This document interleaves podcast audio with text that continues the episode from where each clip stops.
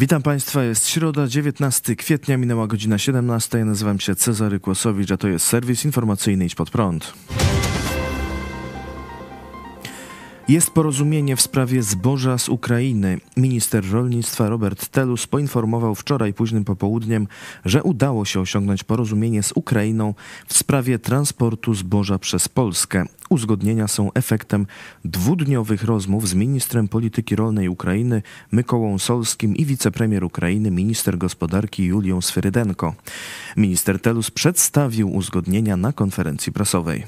Muszę Państwu powiedzieć, że się bardzo cieszę, bo udało się doprowadzić do takich mechanizmów, które spowodują, że żadna tona zboża nie zostanie w Polsce, że towary będą przewożone tranzytem przez e, Polskę i to jest jakby najważniejsza dla nas informacja. Przez pewien czas będzie konwój, konwój każdego transportu przez Polskę. Służby e, celno-skarbowe, i inne służby również będą transportowały, będą konwojowały transporty do miejsca, które, do którego powinny dojechać, to znaczy albo za granicę polską, albo do polskich portów. Druga bardzo ważna mechanizm, który wprowadziliśmy, który gwarantuje to, co powiedziałem, że żadna tona nie zostanie w Polsce, to jest wprowadzenie mechanizmu SENT. To jest ten sam mechanizm, który wprowadziliśmy, gdy do Polski jechało paliwo, paliwo sprowadzane kiedyś przez różne organizacje mafijne.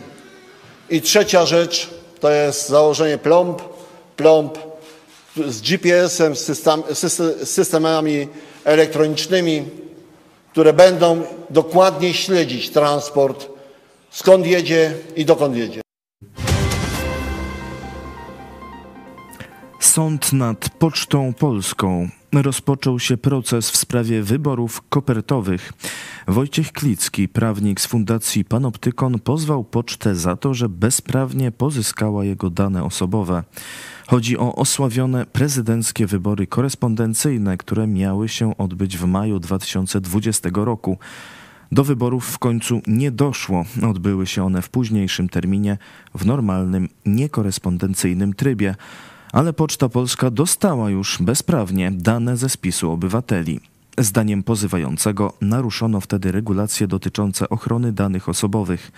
Kilicki wczoraj na pierwszym posiedzeniu przed Sądem Okręgowym w Warszawie mówił: Spółka nie posiadała podstawy prawnej do tego, by pozyskiwać moje dane z rejestru PESEL. W moim odczuciu doszło do naruszenia moich dóbr osobistych i wyrządzono mi konkretną szkodę. Pozyskanie danych osobowych z rejestru PESEL na mój temat wywołało u mnie poczucie frustracji i złości. Nikt nie może pozyskiwać moich danych bez absolutnej konieczności, bez podstawy prawnej. Jeśli to robi, czuję się zły i bezradny. Klicki argumentował, że decyzja premiera o powierzeniu przeprowadzenia wyborów operatorowi pocztowemu była bezprawna. Przypomniał orzeczenie sądu administracyjnego, który tak samo ocenił tę sprawę. Prawnik żąda przeprosin i wypłacenia symbolicznej kwoty 1000 zł za naruszenie RODO. Sąd postanowił, że zwróci się do Państwowej Komisji Wyborczej i ministra zdrowia o udzielenie informacji. Niemcy. Ponad 250 księży może być sprawcami przemocy seksualnej w archidiecezji fryburskiej. We wtorek opublikowano raport komisji badającej nadużycia seksualne na terenie jednej z katolickich diecezji w Niemczech. Grupa robocza od 2019 roku analizowała protokoły zebrań kierownictwa diecezji, a także przeprowadziła kilkaset wywiadów. Sprawę opisuje serwis Tagesschau. Szef komisji Magnus Street stwierdził na konferencji, że oskarżono ponad 250 duchownych, a problem dotyczy co najmniej 540 ofiar. Podkreślił, że te liczby trzeba traktować ostrożnie, gdyż szara strefa może okazać się znacznie większa. Księża pedofile mieli działać pod osłoną nieżyjącego już arcybiskupa Oskara Zajera oraz arcybiskupa Roberta Colitrza, który przez kilka lat pełnił funkcję przewodniczącego całego niemieckiego episkopatu. Obaj biskupi mieli ukrywać przypadki nadużyć seksualnych, m.in. przez wysyłanie proboszczów sprawców na urlopy lub usuwanie ich z parafii bez podania przyczyn. Jak mówił prawnik grupy roboczej Eugen Endres, wysokie zadłużenie księdza było odnotowywane na piśmie, ale w przypadku nadużyć seksualnych nie było żadnej wzmianki. Arcybiskup Zajer miał też odmówić współpracy z organami ścigania. Endres ujawnia też, że w ocenie arcybiskupa Roberta Solicza stosunki seksualne księży z dorosłymi kobietami były gorsze niż wykorzystywanie dzieci.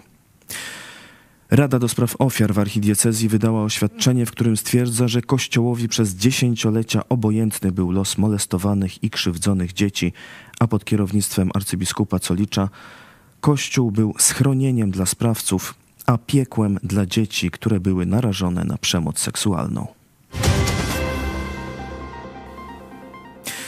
To wszystko w tym wydaniu serwisu. Dziękuję Państwu za uwagę. Kolejny serwis jutro o 17, a jeszcze dziś o 18 w telewizji Idź Pod Prąd. Po co księdzu żona? Zapraszam. Do zobaczenia.